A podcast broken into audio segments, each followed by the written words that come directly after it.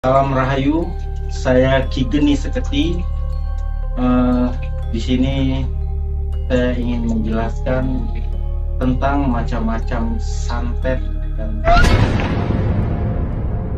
jadi keragaman tentang santet dan pelet ini sebenarnya di Nusantara ini banyak sekali bahkan dari luar negeri pun masih ada juga pembahasan tentang santet dan pelet tapi semua sebenarnya sama aja jadi uh, perjalanan dulunya sampai saya mencari tahu tentang semua pelet dan santet ini tadi diawali oleh kejadian-kejadian sama orang sekitar dan memang dari dulunya uh, juga udah hobi dengan dunia-dunia supranatural.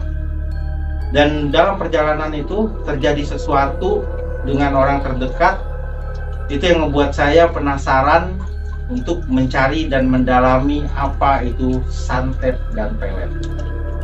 Tapi yang utamanya sih yang saya cari memang santet karena uh, waktu dulu itu tempat berpikir bahwa ilmu santet ini ilmu yang tertinggi di golongan ilmu. Jadi sebenarnya ilmu santet ini beragam dari ujung cabang sampai Merauke itu bermacam-macam ada yang memang jenis santetnya itu untuk menyakiti ada yang untuk menyiksa ada juga yang untuk mematikan.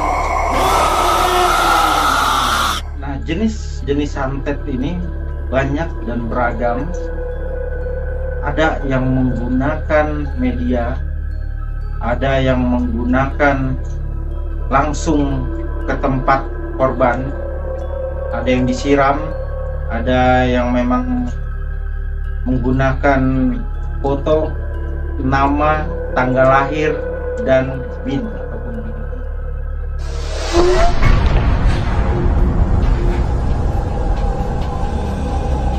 itu menjadi sebuah alamat bagi praktisi supranatural santet ini tadi untuk mendapatkan targetnya ini siapa. Nah, ada juga yang menggunakan kotoran air ludah, rambut, pakaian ataupun barang-barang media-media yang pernah digunakan sama target yang akan disantet ini tadi. Nah, dan proses ritual santet ini juga biasanya tidak langsung diritualkan hari itu korban langsung kena tidak jadi uh, proses praktek santet ini tadi biasanya itu 3 sampai 7 hari baru terlihat hasil dari santet itu Nah, barang-barangnya juga biasanya setiap daerah itu mempunyai ritual yang berbeda-beda, mempunyai mantra juga yang berbeda-beda dan ada lelaku-lelaku yang berbeda juga di setiap keilmuan-keilmuan santet di Nusantara ini. Nah, makanya ada lima daerah-daerah yang ditakuti dengan santetnya itu mulai dari Banten, Kalimantan, Dayak, Jawa, Banyuwangi, uh, ada juga yang dari Sumatera dan ada lagi yang dari Papua. Nah itu lima uh, lima santet yang ditakuti di Indonesia. Nah, eh, biasanya ada santet yang membuat sakit itu biasanya menyerang di daerah pembuluh darah manusia yang membuat korbannya ini sakit seperti stroke, seperti tidak bisa bangun. Terus ada lagi jenis santet yang bisa membuat seluruh badan, seluruh tubuh targetnya ini gatal-gatal dan itu berjalan sampai bertahun-tahun.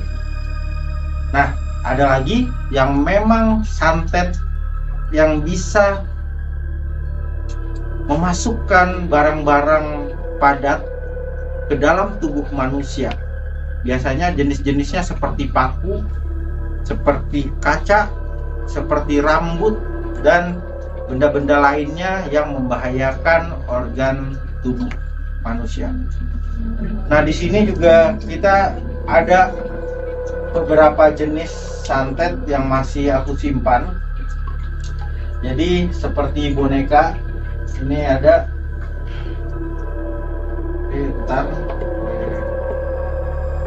Oh.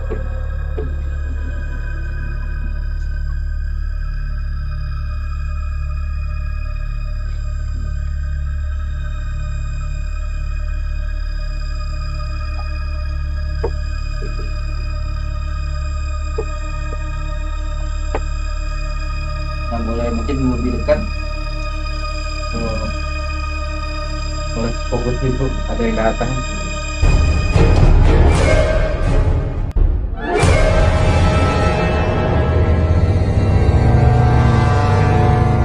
Nah di sini dan banyak juga praktisi-praktisi santet yang menggunakan media boneka sebagai sarana untuk mengirimkan penyakit ataupun mengirimkan rasa-rasa sakit ke tubuh targetnya.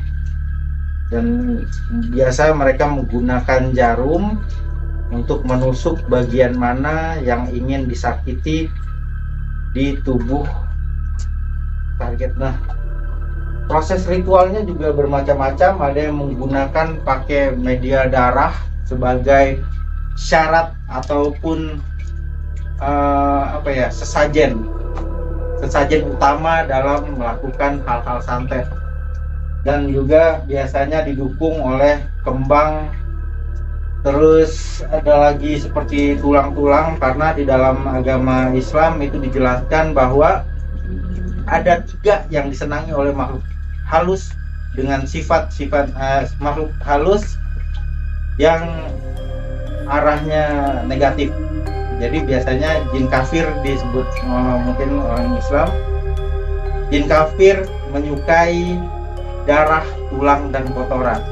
Dan itu menjadi syarat-syarat utama bagi praktisi-praktisi santet. Tadi sempat di saat kita mengambil boneka sebagai contoh tadi itu ada salah satu pembudi di sini dan itu masih juga sampai sekarang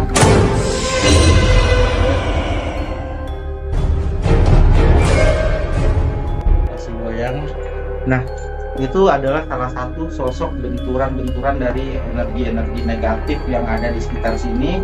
Mereka mungkin merasa diusik dan biasanya juga di saat aku memegang boneka itu itu ngerasain panas banget. Di eh, merasakan panas sekali di tubuh aku. Dan sosok itu biasanya tinggi hitam.